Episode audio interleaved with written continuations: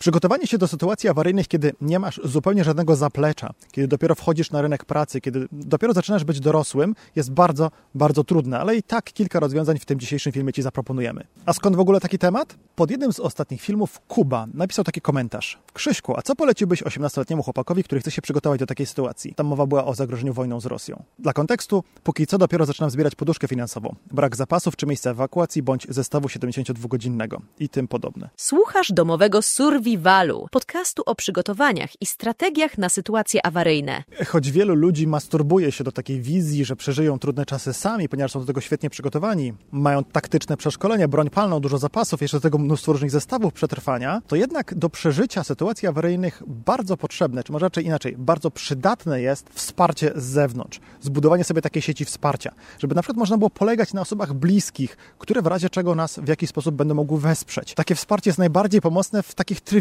życiowych katastrofach typu utrata pracy albo śmierć kogoś bliskiego, ale w razie wojny czy jakiegoś większego kataklizmu również. Nie mając takiego wsparcia ze strony rodziny, albo nawet gdy rodzina jest pod tym kątem obciążeniem, to wszystko robi się znacznie trudniejsze, ale nie niemożliwe. Oczywiście musisz postarać się w jak największym stopniu budować tę swoją samowystarczalność, samodzielność, ale z drugiej strony również budować sobie te sieci wsparcia. Tylko jeśli nie w oparciu o rodzinę, tylko w, w oparciu o inne więzi. Zawsze mówię, że rodzina jest taką najlepszą grupą dla przetrwania, bo te więzy rodzinne są najsilniejsze, tak? Prędzej pomożesz bratu niż koledze z pracy, a nawet przyjacielowi, którego znasz od czasów przedszkola. Ale jeśli nie masz tego wsparcia w rodzinie, to musisz budować te sieci w innych miejscach. Zaczynam od tego, bo to mi się wydaje najtrudniejsze, może nawet nie tyle znaczy, dla mnie osobiście trudne jest nawiązywanie nowych znajomości. Nie idzie mi łatwo zaprzyjaźniania się z nowymi ludźmi, budowanie takich silnych, bliskich relacji, bo nie jestem specjalnie towarzyski. Z drugiej strony to też jest trudne z tego względu, że po prostu wymaga czasu. Zestaw przetrwania możesz kupić, nie? Zarobić pieniądze, kupić, mieć. Nie można kupić przyjaźni. Jak budować takie relacje i w ogóle po co? Jeśli nie mam celu ewakuacji, fajnie byłoby móc wykorzystać w charakterze celu ewakuacji dom należący do kogoś z rodziny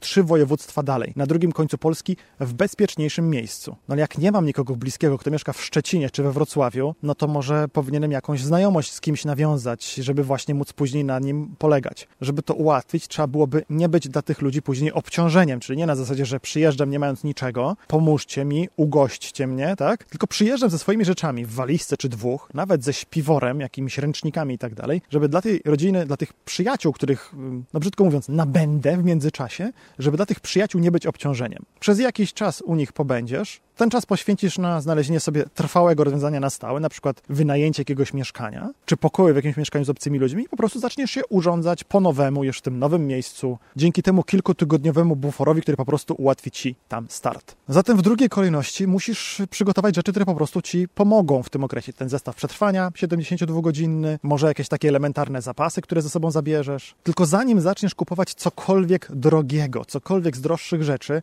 musisz mieć w moim odczuciu poduszkę finansową na kilka miesięcy życia. 3-4 miesiące życia. I to jest to, od czego należy zacząć przygotowania, kiedy zaczyna się od zera. Od tego, żeby mieć tę poduszkę finansową. Ona będzie potrzebna w każdej kryzysowej sytuacji, nie tylko w razie wojny, skażenia chemicznego, w sensie czegoś, co zmusi cię do rozpoczęcia życia w nowym miejscu, ale także jak przez jakiś czas nie będziesz mógł pracować, albo zepsuje ci się samochód, czy sąsiad zaleje ci mieszkanie, albo ktoś ci się włamie do mieszkania, ukradnie ważne dla ciebie rzeczy, a z odszkodowania nici, bo właściciel mieszkania przyoszczędził na jego ubezpieczeniu. Czyli przede wszystkim oszczędzaj i odkładaj pieniądze na czarną godzinę. Jeśli nie jesteś w stanie, potrzebujesz dodatkowej pracy. Choćby miało być to rozważenie pizzy na rowerze w weekendy. Może trzeba obciąć koszty, w sensie mniej wydawać na imprezowanie. Nawet nie chodzi o to, żeby rezygnować z tego imprezowania, ale po prostu na przykład mniej alkoholu kupować na imprezie, w klubie i zawsze te kilkadziesiąt złotych tygodniowo się wtedy uda oszczędzić. Też nie chodzi o to, żeby w ogóle rezygnować ze spędzenia czasu ze znajomymi, bo to właśnie dzięki temu spędzaniu czasu budujesz te relacje, o których mówiliśmy na początku. I dopiero kiedy już masz te pieniądze, możesz zacząć kupować coś grubszego, na przykład, nie wiem, czarnoprochowca, który kosztuje półtora tysiąca złotych, nie kupowałbym w pierwszej kolejności.